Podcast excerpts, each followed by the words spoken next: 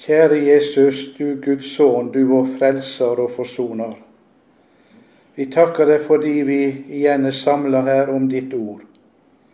Fordi vi har det løftet også nå i denne kveldsstund, at der ditt navn blir kommet i hug, er du sjøl til stades. Jeg takker deg, Herre, fordi du vil høre vår bønn, fordi du gir oss din egen hellige ande, fordi vi skal få lov å påkalle deg, Herre, og vite at du svarer oss. Nå veit du hvordan vi har det, hver enkelt av oss. Hvordan vi kan føle det akkurat nå, og hvordan det kan se ut for oss. Og kanskje det er ugreit for mer enn én. En. Men jeg vil takke deg at uansett hva vi føler i denne stund, står vi reine, heilage, ulastelige, ustraffelige for ditt åsyn. At for deg, Herre, er vi fullkomne, fordi du har sona vår synd, og du har kjøpt oss fri med ditt eget blod. Herre, lær oss å se på deg. Lær oss å rekne med deg, Jesus, hver stund. Lær oss å regne med at når det gjelder vår rettferd for Gud, er den den samme hele tida, uansett hvordan det måtte skifte med oss. Og lær oss også å regne med at du har gitt oss løftet om at du hører vår bønn, og du vil komme oss i møte med ditt eget ord. Og Nå ber jeg nettopp om det, Herre, at jeg kan få være et redskap for ditt ord. Her jeg står. Jeg trenger dette ordet sjøl, og jeg ville så gjerne at du skulle bruke meg så det kommer inn i deres hjerte som hører på meg her. Så står vår forventning til deg, Herre, og så er stunda lagt i di hand. Amen.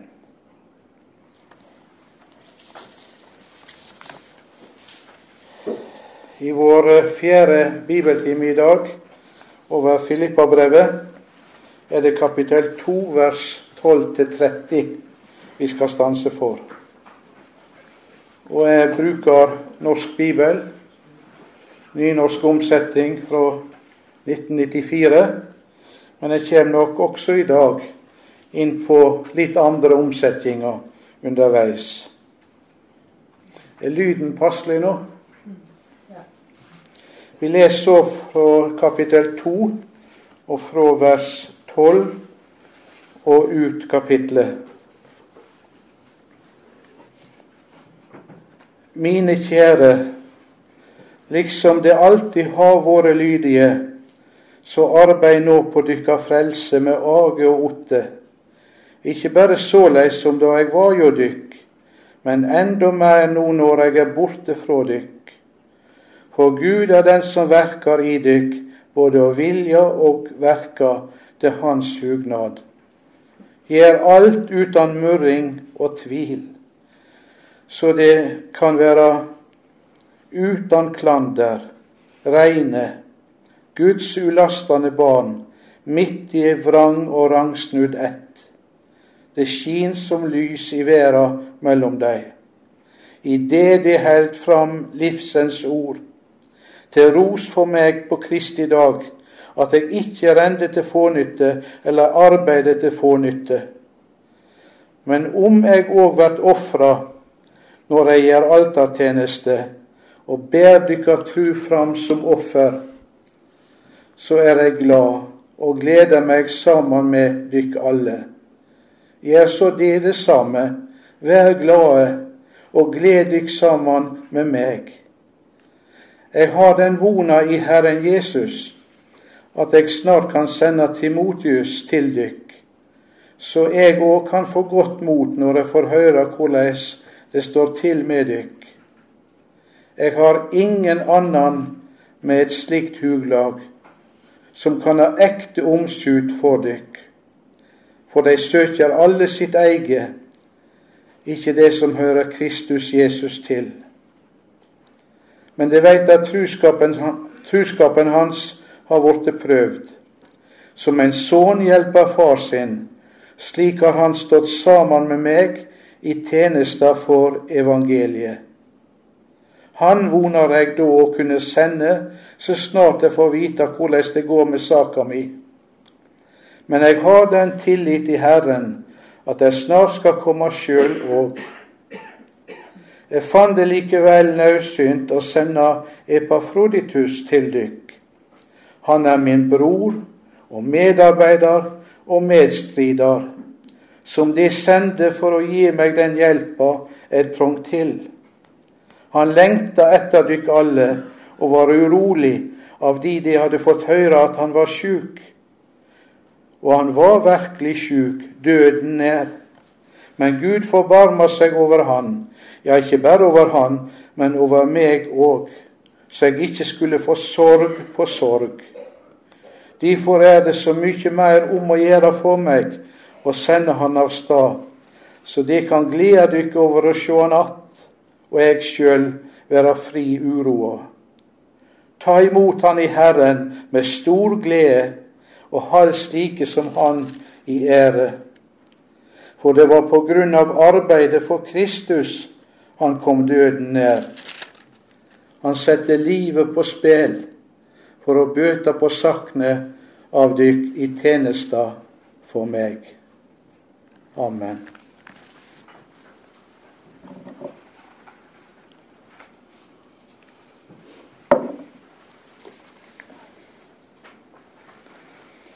I første del av dette kapitlet, som vi så på forrige gang, der det blir talt om Kristi sinn som skal få være i oss, det sinn som Jesus sjøl har vist da han døde for våre synder, da han ble en tjener som tok på seg hele vår dom og hele vår straff. Og det er på bakgrunn av det som blir sagt om dette, det nå fortsetter i vers 12. Derfor Ja, det sto ikke i min omsetning, og det står ikke i alle. Derfor står det først i en del omsetninger i vers 12. Bibelen, Guds ord, har med 'derfor', og de gamle omsetningene fra 1930 og 1938 har det med. Og det er ganske viktig. Det er en konjunksjon, det der, et bindeord, som står først der på gresk. Og det ordet som er brukt der, det blir ofte brukt i betydninga derfor, altså, å innleie alltid ei selvstendig setning. Og slike ord er brukt her.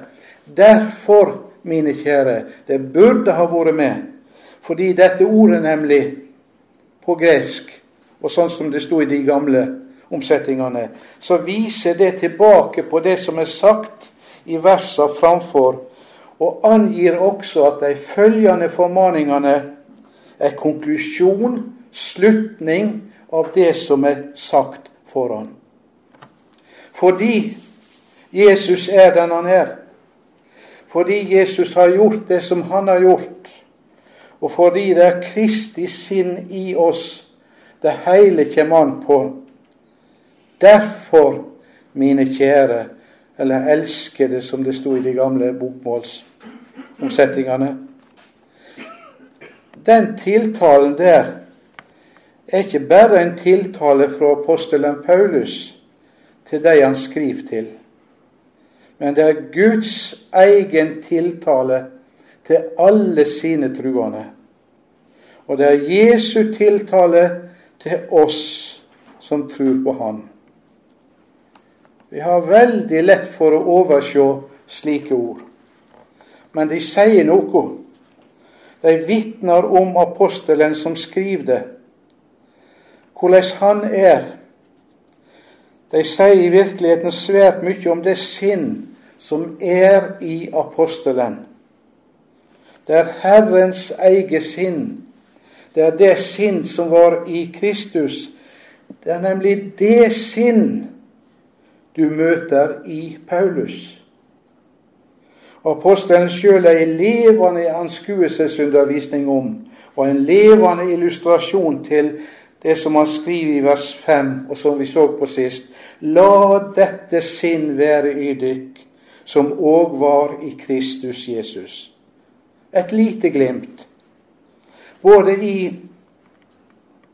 både i Efeserbrevet og i Kolossabrevet, så sier Paulus at han ligger på sine kne og strir for de han skriver til. Det er tale om kristne mennesker som aldri har sett Paulus, og som han aldri heller har møtt. Han strir for dem at de må få se og må få oppleve hvor stor Guds kjærlighet er, og hvordan de må vekse sin vekst opp til Han som er hovedet, Kristus.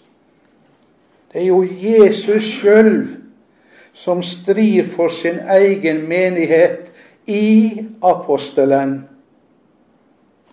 Og det er dette som kommer igjen også her. Derfor, mine kjære, skriver han til deg i Filippi.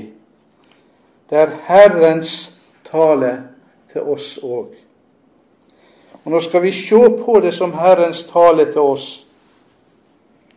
Og som jeg har sagt før, vel er dette brevet skrevet til deg i Filippi, men det er også skrevet til alle framtidige lesere av dette brevet. Det er Herrens tale til oss her i kveld. Derfor, mine kjære, det står om alle som tror på Jesus. Og du kan se det i begynnelsen av Romabrevet og i begynnelsen av Korintabrevet og andre steder om de kristne. Det er Guds kjære. Vi er det fordi vi tror på Jesus. Nå er vi høgst ufullkomne, og vi er fulle av svikt og brist og elendighet i oss sjøl, så framt du har det gamle mennesket i deg. Og det har du. Og det vi kjenner, og det vi føler, vi som tror på Jesus, i oss sjøl, vi kjenner det gamle mennesket, ja. Denne medfødte syndige natur som er en konsekvens av syndefallet, den har jeg sagt det før, den må vi bære på inntil Jesus kommer igjen eller jeg blir lagt i grava. Og jo nærmere vi kommer lyset, desto mer ser vi av hvordan vi er i oss sjøl.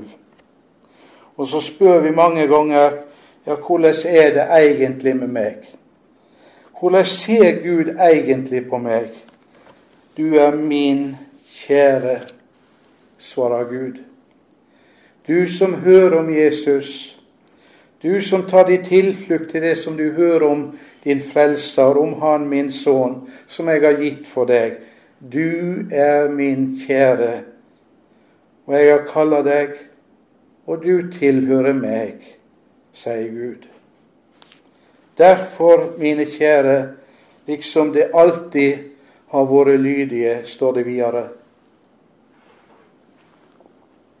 Den lydighet som det taler om her, er dette at når de hører Guds ord, tar de det til seg.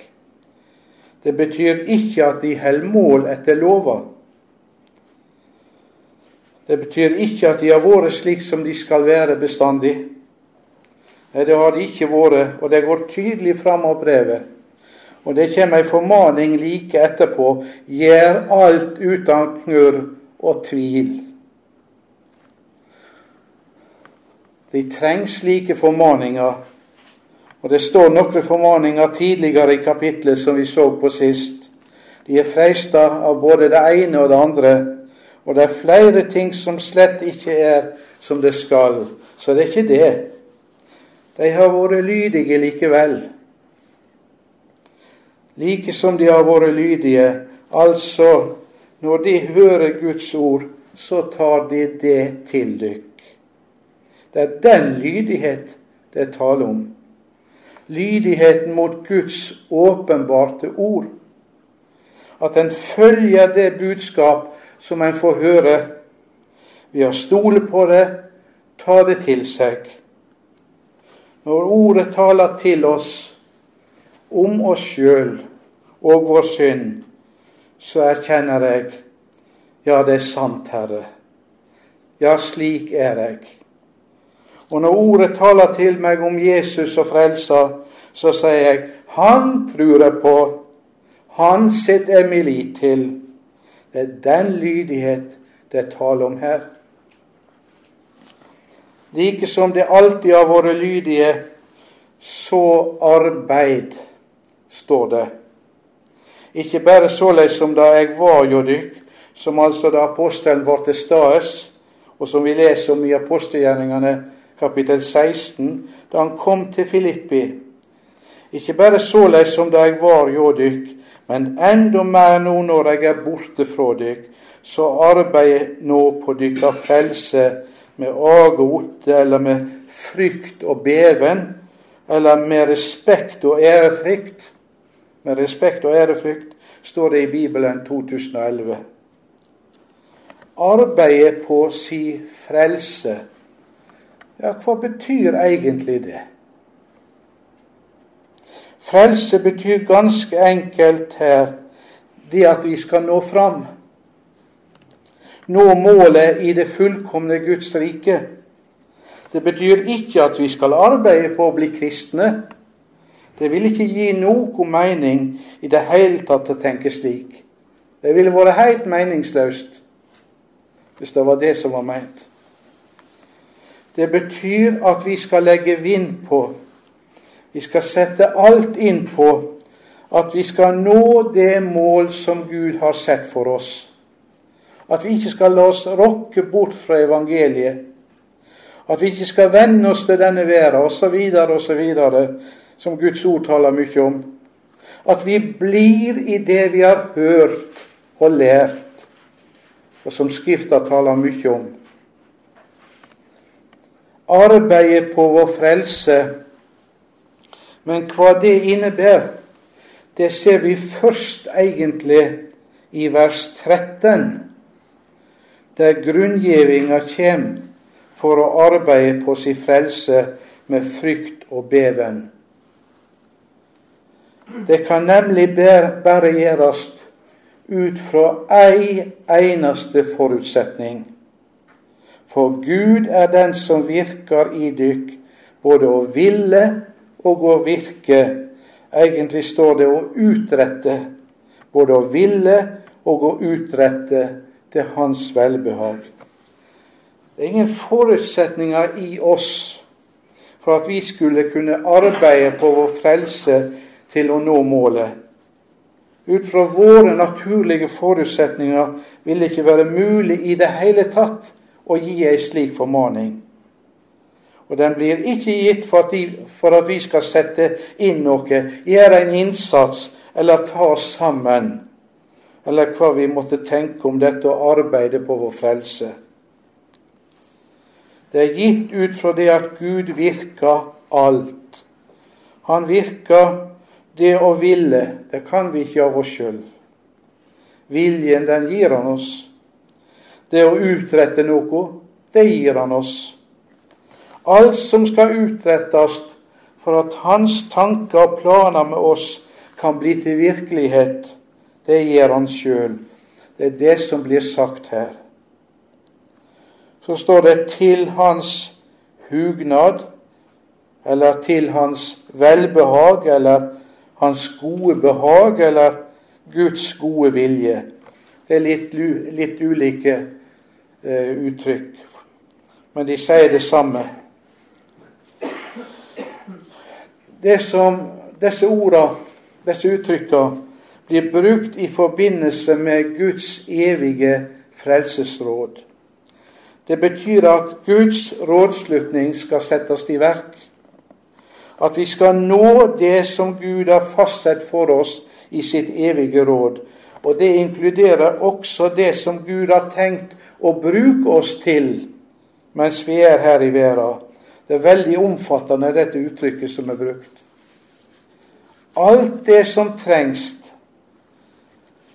for at vi kan ville dette, for at vi kan utrette dette, det virker Gud i oss.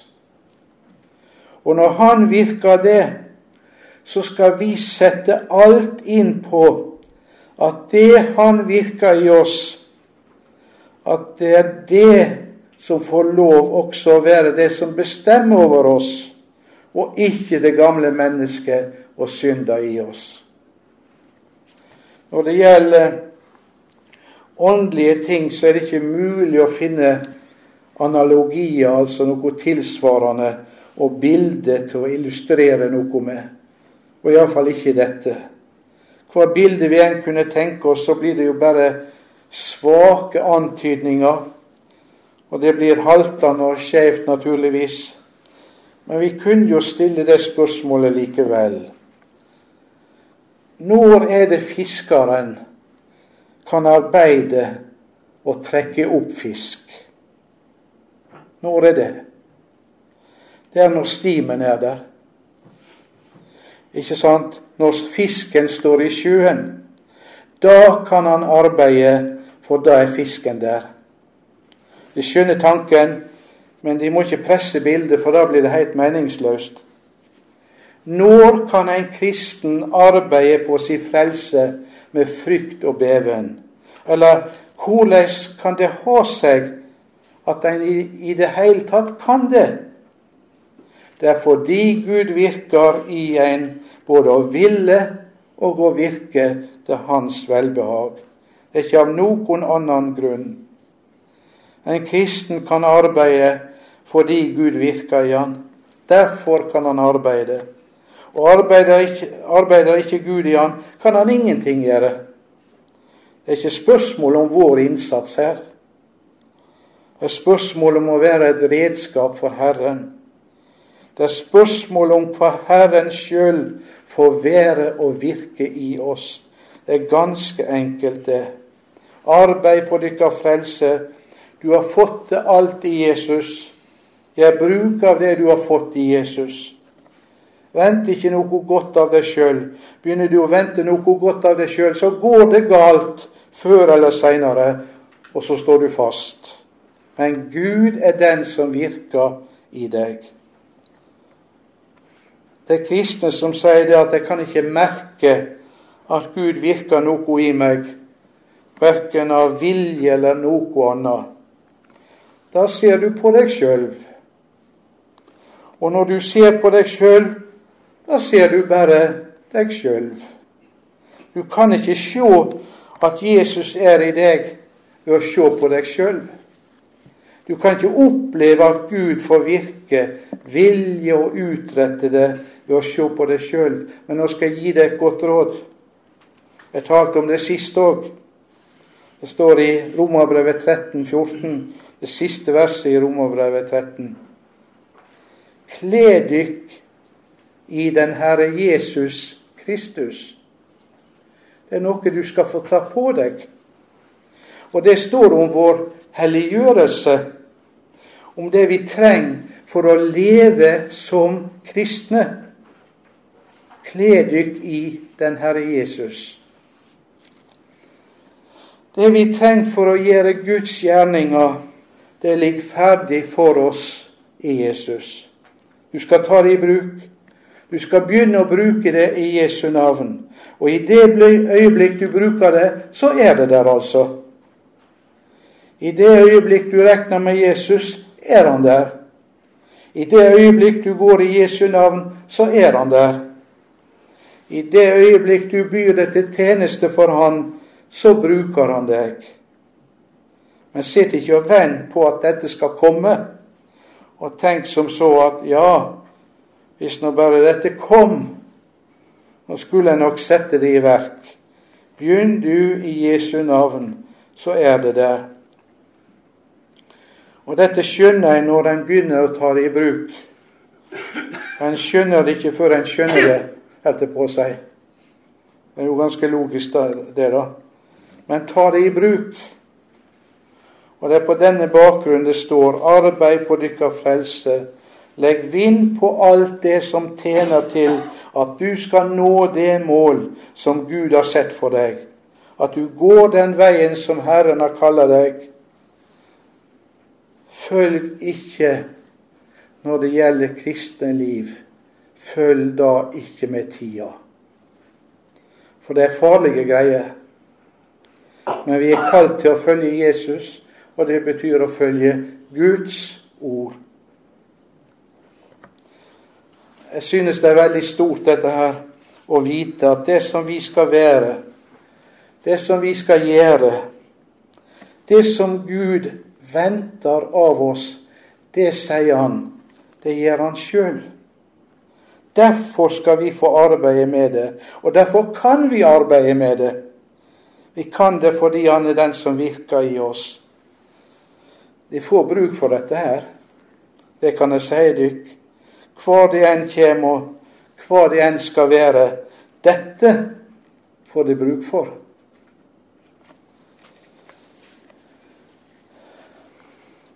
Så kommer det videre i vers 14.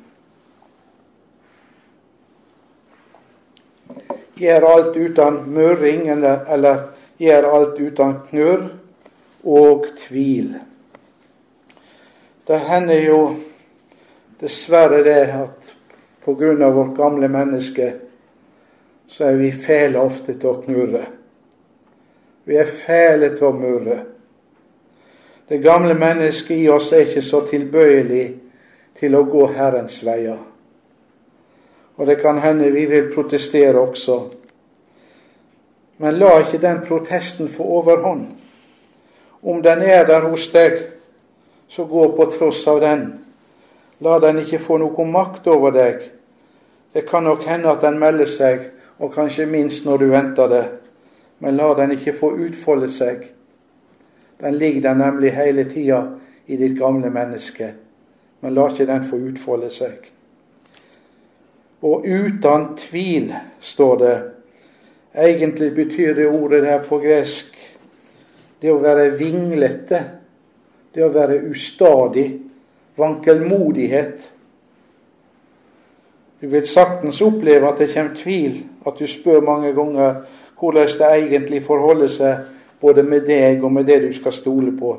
Det gjør ingenting, bare du stoler på Guds ord. Så har ikke det noe å si om den tvilen melder seg. Den er ingen hindring for trua.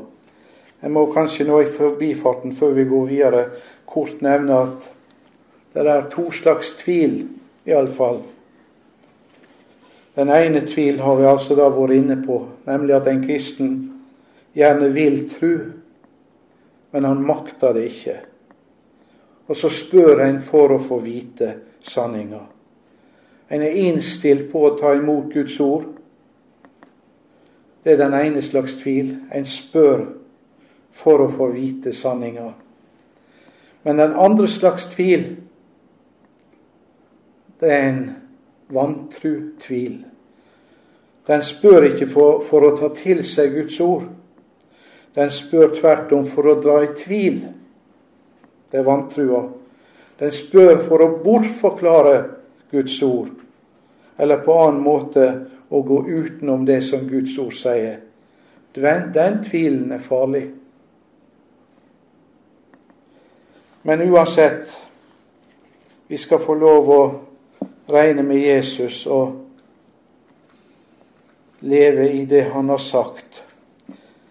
Den tvilen som er farlig, det er altså at den blir vankelmodig. Den blir vinglete. At en vender seg vekk fra Jesus. At en er vinglete snart hit, snart dit. Det er det som det blir advart mot her. Gjør det uten vankelmodighet, uten å vende det snart hit, snart dit. La ditt hjerte være retta på Jesus. Og så kommer det i vers 15. Så de kan være uten klander eller ustraffelige eller lytefrie og reine. Altså så du kan bli i det som du har fått i Jesus. At det blir slik du får lov å leve i Guds ord og vandre i evangeliet.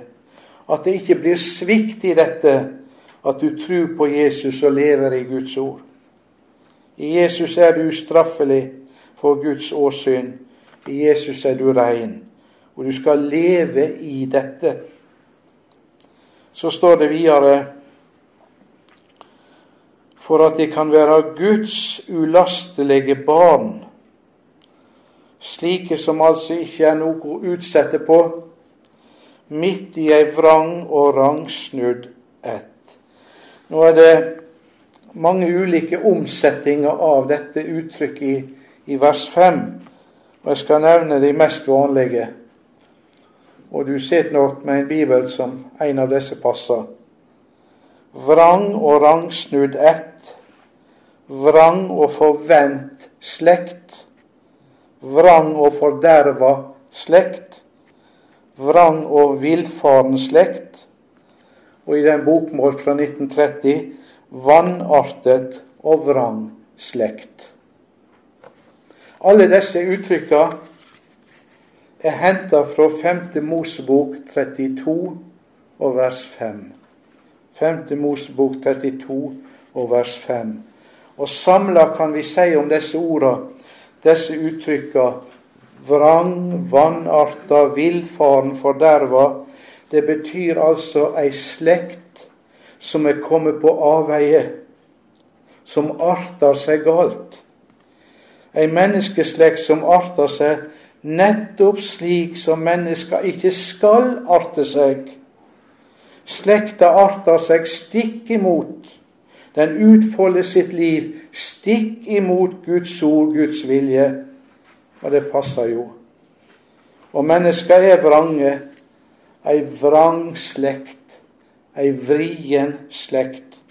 Den vil ikke la seg overbevise av Guds ord. Den står Guds ord og Guds ånd imot. I eh, de tre første evangelia så beskriver Jesus denne slekta. Det er ei vond og utru slekt, sier han. Matteus 12, 39 og Matteus 16, 4. Og så sier Jesus også i alle de synoptiske evangelia, altså de tre første evangelia, så sier han det nesten ordrett likt. I Matteus 24, 34, Markus 13, 30 og Lukas 21, 32. Sannelig sier dykk, denne slekta, denne ætta, skal slett ikke få gå før alt dette er skjedd. Det står nesten helt likt i de tre evangelia. Ja, slik talte han til deg den gangen som sto, og, sto der og hørte. Og Jesus taler om de siste tider. Denne slekta skal slett ikke få gå før det er skjedd alt sammen. Det kan jo synes underlig. Og bibelkritikken har jo brukt dette ordet for å si at Jesus tok feil. Det er jo gått 2000 år siden Jesus sa dette, og alt dette er jo ennå ikke skjedd. Det er bare én ting å svare det er bibelkritikken som har feil, alt sammen det de sier her. Hvis Jesus tok feil, ville det være tragikomisk at Jesus i samme åndedrag sier himmel og jord skal få gå, men mine ord skal aldri få gå. I Lukas så kommer det rett etter det første jeg siterte. Nå er det slik at det greske ordet for slekt eller ett. Genea. Det behøver en ikke forstå som om det var det samme som generasjon. Ei slekt består av mennesker med felles karaktertrekk, og ei slekt kan bestå av mange generasjoner. Og den svenske professor Evald Løvestam Jeg har hatt stor glede av å lese hans bøker. Han var en nær venn av tidligere Hugo Odeberg, denne sprenglærde bibelforskeren. Han har skrevet mye om dette, og hvordan jødiske rabbinere har utlagt dette når det gjelder Gamle testamentet. Mange generasjoner kunne tilhøre den samme slekta. Og, det er ganske viktig, mennesker som tydelig avvik fra det som kjennetegner deres samtidsslekt, blir ikke ansett for å tilhøre den. Noah, f.eks., han tilhørte ikke syndflodslekta, selv om han levde på den tida. På samme måte Moses, Han var jo sammen med sitt folk i ørkenen, men han ble ikke regna for å tilhøre ørkenvandringa si slekt. Og så beskriver altså Jesus så beskriver altså Jesus menneskeslekta som ei vond og utru slekt. Og når han taler om de siste tider og sin gjenkomst, sier han denne slekta skal ikke få gå før det er skjedd alt sammen. Det betyr mennesker kommer ikke til å forandre seg. Men denne vonde og utru slekt som Jesus talte til under sitt jordeliv, den samme slekta skal han møte også ved sin gjenkomst. Den slekt som levde da Jesus gikk her på jord, de siste tidas i slekt, vil komme til å oppleve Jesu gjenkomst. For mennesker kommer ikke til å forandre seg. Også vi, såkalla moderne mennesker, vi tilhører den slekta Jesus talte til. Derfor sier Peter til sin tilhørerskare i sin tale på pinsedag La dykk frelse fra denne vonde slekta. Apostelgjerningene 2,40. Og da kommer alle som tror på Jesus, de kommer til å skille seg klart ut fra det som mennesker ellers eh, er i sitt liv og i sin ferd. Vel tilbake til Filippabrevet. Blant mennesker som er nettopp det mennesket ikke skal være, sier apostelen, skal det vise dykk som Guds ulastelige barn. Som lys skal det vise dykk i denne verda. Det er som en gjenklang av Jesu ord i bærpreika, dette. Det er lyset i verda, sier Jesus. Vi er lys fordi vi har Jesus. Han som er lyset i verda, han bor i oss og det er Han som lyser gjennom oss for våre medmennesker. Men nå står det et underlig ord i denne sammenheng her i vers 16, som en ofte overser. I det de held fram livets ord. Det greske verbet som er brukt der, kan også omsettes med å holde seg til å holde fast ved, sånn som Bibelen 2011 har valgt. Begge betydninger gir god mening og skal være med. Men de fleste omsetninger, norske omsetninger har 'holde fram livets ord'. Og den genitiven der, det betyr både ordet om liv, ordet som gir liv, og ordet som inneholder liv livets ord. Det er nesten en parallell til evangeliet.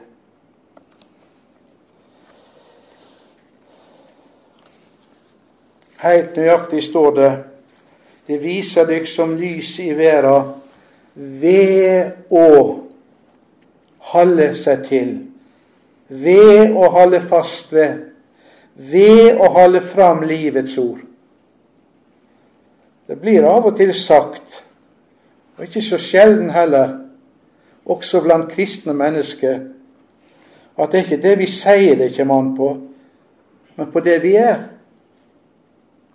Men her sier Guds ord at det først og fremst at det som først og fremst gjør oss til lys her i verden, det er det budskap som vi har mottatt fra Herren. Det er budskap som vi sjøl tror på, og som Jesus har bedt oss om å bringe til andre. Først og fremst gjennom det budskap og gjennom vårt vitnesbyrd om Jesus viser vi oss som lys her i verden. Og dertil kommer at etter Bibels språkbruk er det vi sier, en av de viktigste av våre gjerninger. Bibelen skjelner ikke mellom det vi sier og det vi gjør. Men det vi sier, er at det er bibelsk språkbruk noe, av det viktigste av det vi gjør. Det er en helt kunstig og unaturlig måte å tenke på at ja, det har ikke så mye å bety hva vi sier, men hva vi gjør. Og der vil jeg svare det har svært mye å bety hva vi sier. Jeg tror det er helt avgjørende hva det er vi sier, og at våre gjerninger ellers får stor betydning etter nettopp det vi sier. Og det er ikke noe som kan erstatte vitnesbyrdet om Jesus. Når det er spørsmål om å hjelpe andre mennesker til frelse, så kan det bare skje gjennom ordet om Jesus. Bare gjennom det. Vi kan ikke føre andre mennesker til Jesus med våre gjerninger på den måten at vi ikke skulle si noen ting. Det vi er ellers, det kan åpne veien for Guds ord, hvis vi er slik at mennesker skjønner at vi hører Jesus til, og at de får trang til å takke Gud for oss, som Jesus taler om i bergpeika, så kan det nok åpne opp for ordet. Men det er ikke noe som kan erstatte vitnesbyrdet om Jesus. Og det er gjennom ord om Jesus vi får hjelpe mennesket til frelse. Det er ikke noe mennesker trenger mer enn det vi kan vitne og fortelle om Jesus. Eller dette at Bibelens sanning gjennom oss når våre medmennesker. Da tenker jeg ikke på bibelsitat bare, men jeg tenker på sjølve det faktum at det vi har fått fra Jesus, det går videre til våre medmennesker og at det vi sjøl ser i Guds ord, det ser preg på oss, slik at det kommer våre medmennesker til gode på en eller annen måte, det som vi sjøl ser. At Han som er vårt lys, Han skinner gjennom oss for våre medmennesker. Noen annen måte fins det ikke å leve som en kristen.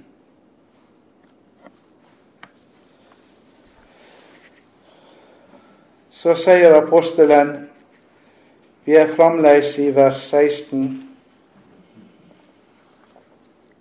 at det vil ha så stor betydning for han om de kristne i Filippi viser seg å leve etter det de har fått gjennom han.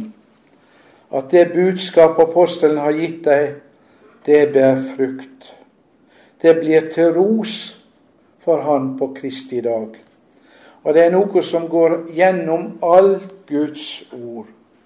At det som Gud sjøl får utrette gjennom oss, og ikke minst gjennom det budskap som Gud har åpenbart for vårt hjerte, og som vi får bringe til andre, det skal bli til ros for oss på den store dag. Det er jo Herrens gjerning. Det er et underlig ord. Det er dette som også det er talt om ut ifra et helt annet synspunkt i første Korinterbrev, kapittel 3. Der er det tale om å bygge med gull og sølv og edle steiner, og at verket står fordi det er det Gud sjøl har virka i og gjennom oss. Det vi sjøl mener vi kan gjøre for Gud, det vi sjøl mener vi kan utrette for Gud, det kommer til å brenne opp. Og det er tre og høy og strå for å bli værende i bildet i 1. Korinterbrev 3. Men det som Herren sjøl får utrette i oss og gjennom oss, det står i ildprøven. Og så kommer vi til å få lønn for det som Herren har virka i og gjennom oss. Det er ikke tale om frelse her, men det er tale om vårt liv som kristne. At det som Herren har fått bruke oss til, det skal vi få lønn for. Det blir til ros for oss på Kristi dag at vi ikke har løpt forgjeves, som apostelen sier, eller arbeid forgjeves. Disse som han skriver til, som er vunnet gjennom det som han har forkynt dem, det blir til ros for Paulus. Det er frukt av hans virksomhet. Det er frukt av det budskap Gud har gitt han. Det er Jesus som har utretta det. Det er Guds egen gjerning gjennom apostelen. Men nettopp derfor blir det også til ros for Paulus. Det kommer ikke fra Paulus, det kommer fra Jesus. Derfor kan det bli til ros for han. Og så snakker Paulus i vers 17 om at han gjør altertjeneste. Han er inne på noe av det samme i Romerbrevet kapittel 15, men her eh, snakker han om at han gjør altertjeneste.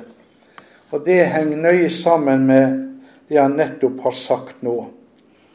Han bringer deres tru fram som gave til Gud.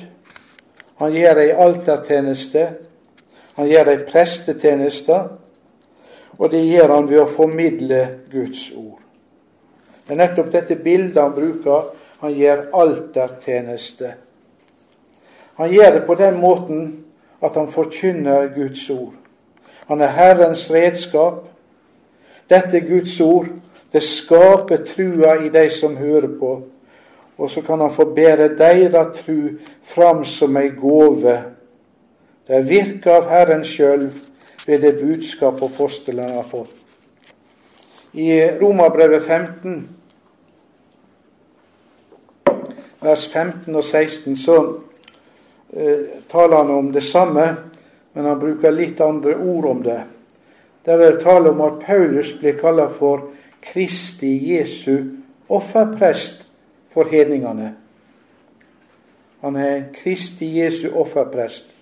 Og så, og så går det fram at han da er kalt til å bringe evangeliet til hedningene.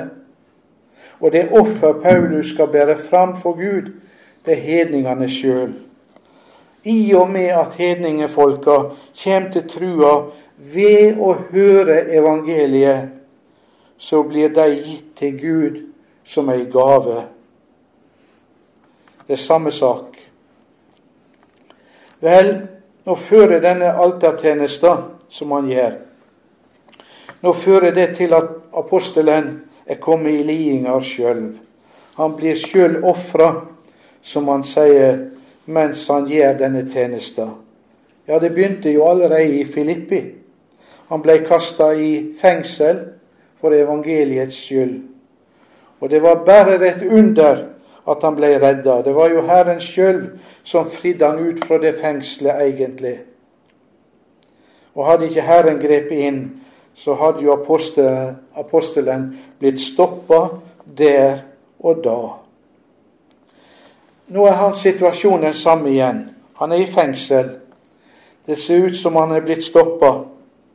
Men han bruker det uttrykket at det er han sjøl som blir ofra mens han gjør denne altertjenesten. Og En kunne tenke at det vil jo være ei stor sorg, og det skulle en ønske var helt annerledes. Men han sier om jeg òg blir ofra så gleder jeg meg, sier han, og gleder meg sammen med dykk alle. Det er ikke godt å fatte djupna i dette her. Apostelen gleder seg. Han ser hva evangeliet har utretta. Han ser hva for ei omsorg de har for han, disse som han nå skriver til. Han kommer om et øyeblikk fram til Epafroditus som har brakt hans store gaver fra denne menigheten til Paulus nå der han sitter i fengsel. Og han forstår at menigheten gleder seg og fryder seg i det budskap de har fått. De gleder seg gjennom det apostelen har fått formidlet til dem. Og så sier han at han gleder seg sammen, sammen med deg. Og i vers 18 Gjør så de det samme Vær glade og gled dykk sammen med meg. Han har grunn til glede. Fengselet, det er ikke noen trist stad for han nå. Det er jo for Kristi skyld han er der, og som vi har vært inne på før. Det var jo blitt vitterlig for hele livvakta og alle de andre som han skriver i kapittel 1, at det er for Kristi skyld han er i lenker. Det er ikke ei sorg. Det viser at Guds ord har båret frukt, og det viser at det skjer store ting omkring Paulus der han sitter i dette fengselet. Store ting skjer det. Gled dykk også det. Gled dykk sammen med meg.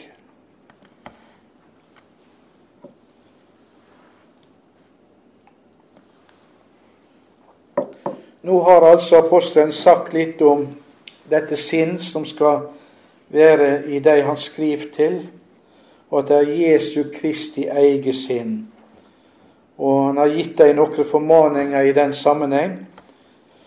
Nå går han over til noe helt annet på en måte, men det henger nøye sammen med apostelen sitt forhold til de kristne i Filippi. Apostelen står jo i et svært personlig forhold til disse leserne, skjønner vi. Når Paulus nå i det følgende, fra vers 19 og ut kapitlet, taler om to av sine medarbeidere, Timotius og Epafroditus, så skal vi aller først merke oss ei viktig sak. Han sier, han sier store og gode ord om dem. Men merk, ikke slik at han gir deg noe ros for hva de er i seg sjøl. Han taler nemlig om hva de er i Kristus. Og for dette skal Jesus alene ha æra. Menneskeros og menneskeære har ikke rett til noen plass i ei kristen forsamling. Og likevel trenger dette gjerne inn der. Og når menneskeros og menneskeære trenger inn i ei kristen forsamling, så virker det som ei dødelig gift både på kjærleiken til Gud og på kjærleiken til andre mennesker. Timotius som vi har vært inne på før. Han er sammen med Paulus nå i Rom. Han står sammen med Paulus som avsender av dette brevet som vi har sett på i begynnelsen. Apostelen kommer altså nå inn på mer personlige ting fra vers 19 og utover. Og det er underlig å se og høre det som han sier nå. Jeg har det håp i den Herre Jesus at jeg snart kan sende Timotius til dykk. Dette uttrykket 'til dykk', 'til dere', det står på gresk i dativ. Vi har jo ikke kasus i norsk. Det er bare små rester som henger igjen. Men i tysk er det jo kasus, de som har tysk på skolen. Men her står det uttrykket 'til dykk' eller 'til dere' i dativ. Og det, blir altså, og det betyr altså han blir sendt for deg, av hensyn til deg. Altså av hensyn til deg, kristne i Filippi. Det er det det betyr. Og så har han det håp at han snart kan sende Timotius til deg. For at også jeg kan få godt mot når jeg får vite hvordan det er med dykk, sier han videre i vers 19. Han regner med at han skal komme til å sende Timotius til deg, og da skal Timotius rapportere hvordan det er der, og da vil apostelen glede seg ved det. Han kan fatte mot og være ved godt mot når han får vite hvordan det er med deg, og det får han vite når Timotius kommer der. For, sier han, det er bare én som har det samme sinn for, som har samme omsorg for disse som han skriver til, som den han sjøl har. Jeg har ingen annen med same sinn. Jeg har ingen annen likesinna, sier han i vers 20. Det er ingen andre som forstår situasjonen nå for disse i Filippi, sånn som Paulus forstår den uten Timotius. De andre som er der, apostelen er nå, de skjønner ikke dette. De har ikke den omsorga. De søker alle sitt eget, ikke det som hører Jesus Kristus til, vers 21. Det er ikke godt å si hva posten legger i dette. Det høres ut som en undertone av sorg og bekymring i det der. Det har nok sammenheng med eh, Det er nok en sammenheng mellom dette og det vi har lest og sett på tidligere i kapittel 1. At vel forkynner Kristus Vel forkynnes også somme Kristus av misunning og stridslyst, og likedan at han advarer leserne i kapittel 2 mot trettesyke og det hevder seg, osv. At, at de i Filippi ikke skal gripes av noe slikt. Vel, Paulus spesifiserer det ikke. De søker alle sitt eget, ikke det som hører Kristus Jesus til. Vi veit ikke hvem han har i tankene, uten at det må være ei gruppe medhjelpere, medarbeidere. Men det er nok som eh, den svenske David Hedegaard sier i sin vestlige kommentar til Filippabrevet, gledens brev, gledens brev, at når det står 'de søker alle sitt eget', så behøver det vel i denne sammenheng ikke bety mer enn at de var så opptatt av sine personlige interesser at ingen av dem ville bringe det store offer som den lange reisa fra Rom til Filippi i Makedonia innebar. Som en motsetning til disse sier Paulus om Timotius.: Jeg har ingen med det samme sinn som oppriktig kan ha omsorg for dykk. Og da tenker han på det som nå angår deg i Filippi. Men hans, nemlig Tumotius sin prøvde truskap, kjenner det, vers 22. Som en sønn hjelper far sin, slik har han stått sammen med meg i tjenester for evangeliet. Og det hadde Timotius. Han hadde tjent med truskap for evangeliet sammen med Paulus. Men han sier at han har det håpet i den Herre Jesus. Merk det uttrykket. At han snart kan sende han. Og så sier han da videre i vers 23 at, 23, at han, han skal eh, betones der. Han håper jeg å kunne sende til deg straks jeg ser utgangen på saka mi. Han visste ikke riktig ennå hvordan den utgangen kom til å bli. Om det blir liv, eller det blir død. Han visste ikke det. Han har vært inne på det som det husker i kapittel 1, og det som det mer og mer går opp for han også mens han skriver at han nok skal være i live. Og Han har uttalt også det i kapittel 1, at han har den tru at han skal komme til deg igjen. Og det samme sier han her. Jeg har den tillit til Herren at jeg òg sjøl skal komme snart. Vers 24. Så ser vi på siste del av kapittel 2, vers 25 til 30.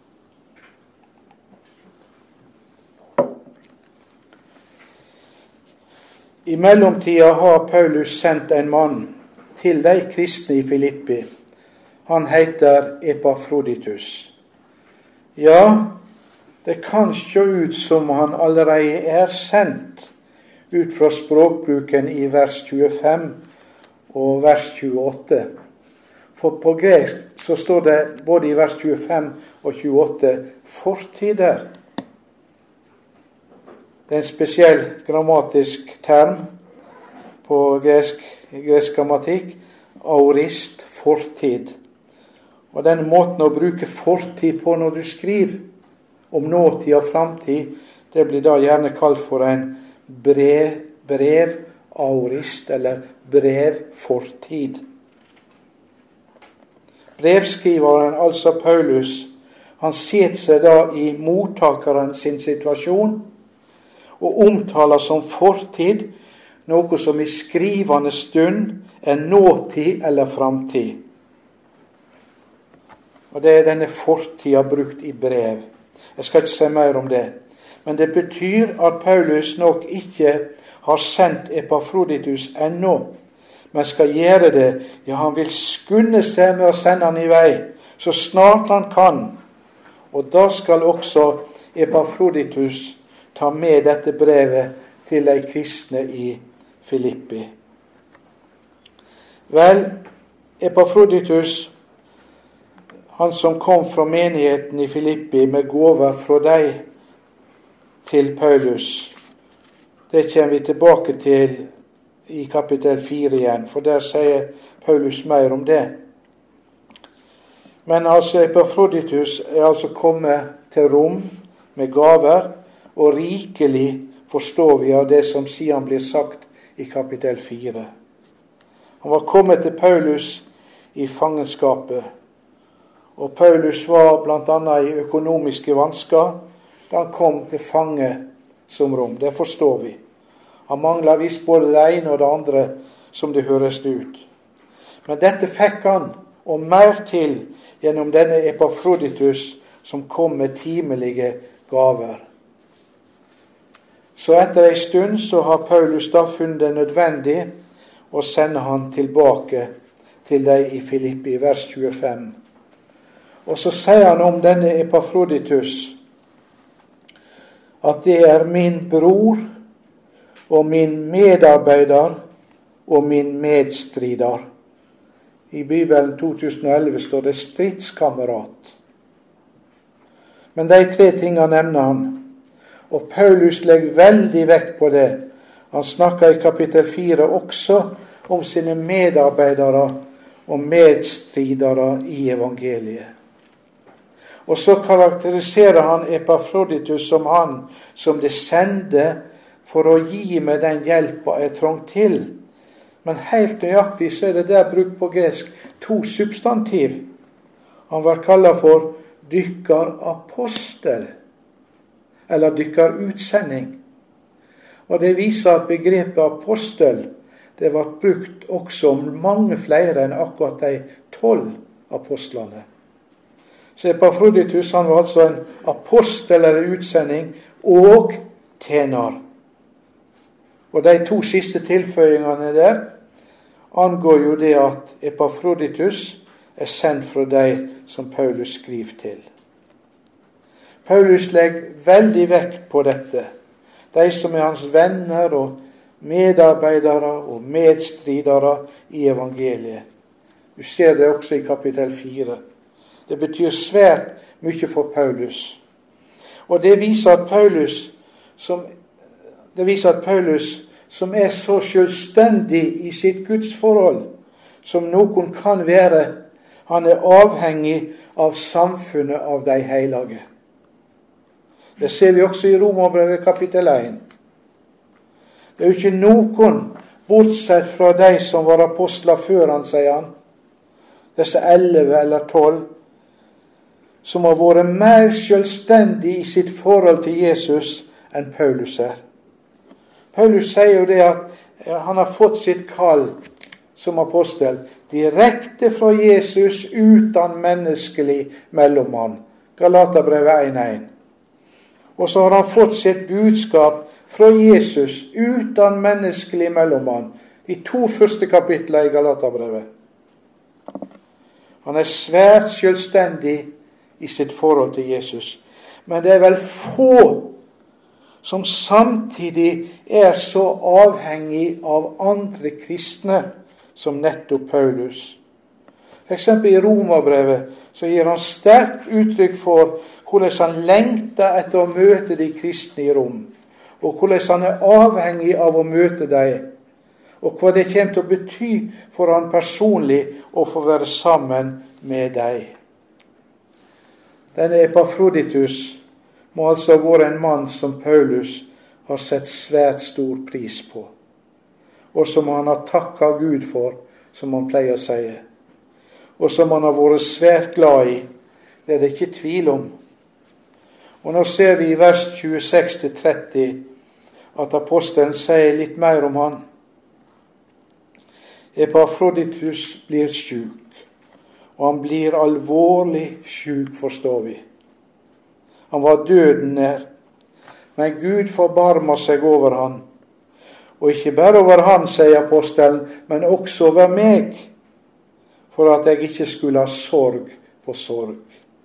Det ville ha blitt ei svært stor sorg for Paulus og et tungt slag om han skulle ha dødd i den sykdommen, men Herren reiste han altså opp. Vers 27. Så har altså apostelen funnet det nødvendig å sende denne Epafroditus tilbake. Og Vi ser at det er tre grunner jeg skal kort nevne, tre grunner til at han gjør det. For det første fordi Epafroditus lengta etter å se sine igjen. Heimlengsel, med andre ord. Og særlig av den grunn at han var urolig til sinns, som vi sier, fordi de der i Filippi nå hadde hørt at han var blitt sjuk. For det andre Og så kunne de i Filippi glede seg ved å få se han igjen. Det er den andre grunnen. Og så for det tredje så kunne Paulus på den måten være mer fri for uro og bekymring. Han får mindre å tenke på ved at han vet at Epafroditus er vel tilbake igjen hos de som har sendt ham. Han vil ha ei sorg mindre, står det i Bibelen 2011. Merker det ikke én ting når de leser og hører dette her? Det er så naturlig og menneskelig. Det er, nok, det er ikke mye overåndelighet her. Når Paulus snakker om sykdom og død, og glede ved å få sende noen tilbake, og at de kan få glede seg ved å se hverandre igjen. Det er så menneskelig, dette her, og samtidig så lærerikt for oss.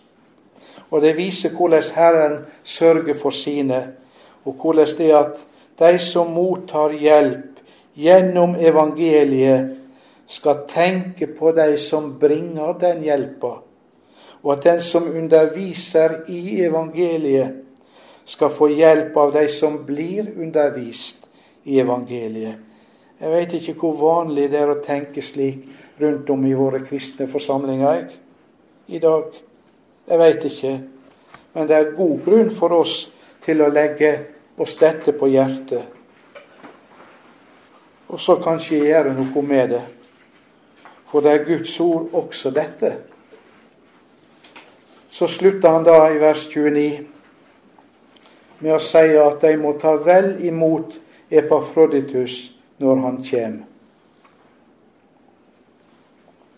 Ta vel imot han med all glede, sier han, og hold slike i ære.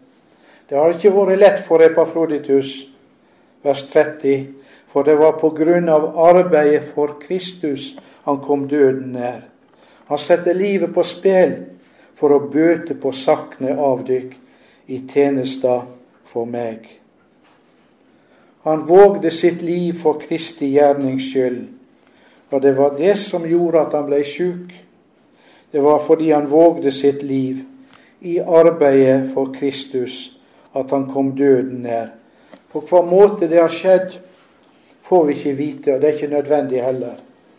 Men vi får vite at det var pga. arbeidet for Kristus, og at det var fordi han skulle utfylle saknet av de som sendte gåva i tjenester for Paulus. Epafroditus utførte hva de kristne i Filippi ville, men pga avstand og andre omstendigheter, så kunne ikke alle gjøre det. Han fungerte sannelig som en apostel, som deres sendebud med fullmakt. Og Derfor kan Paulus si at det var i sitt arbeid for Kristus Epafroditus kom døden nær. Filipparane sin praktiske omtanke kan synes ubetydelig og liten. Men nettopp deres vilje til å sende materiell hjelp til en Paulus som sitter i fengsel, det var et uttrykk for deres del deltaking i Det var et uttrykk for at de sto sammen med Paulus i den felles oppgave, arbeidet for evangeliet. Og da er vi tilbake til det vi sa i kapittel 1, vers 5, jf. det vi sa da om å ha samfunn med apostelen i evangeliet, og ha samfunn med apostelen i arbeidet for evangeliet. Og det er det som også kommer til uttrykk gjennom disse materielle, timelige gavene som de kristne i Filippi sender til Paulus der i fengselet i Rom. Og Med det slutter dette kapitlet. Og så vil jeg slutte der jeg begynte.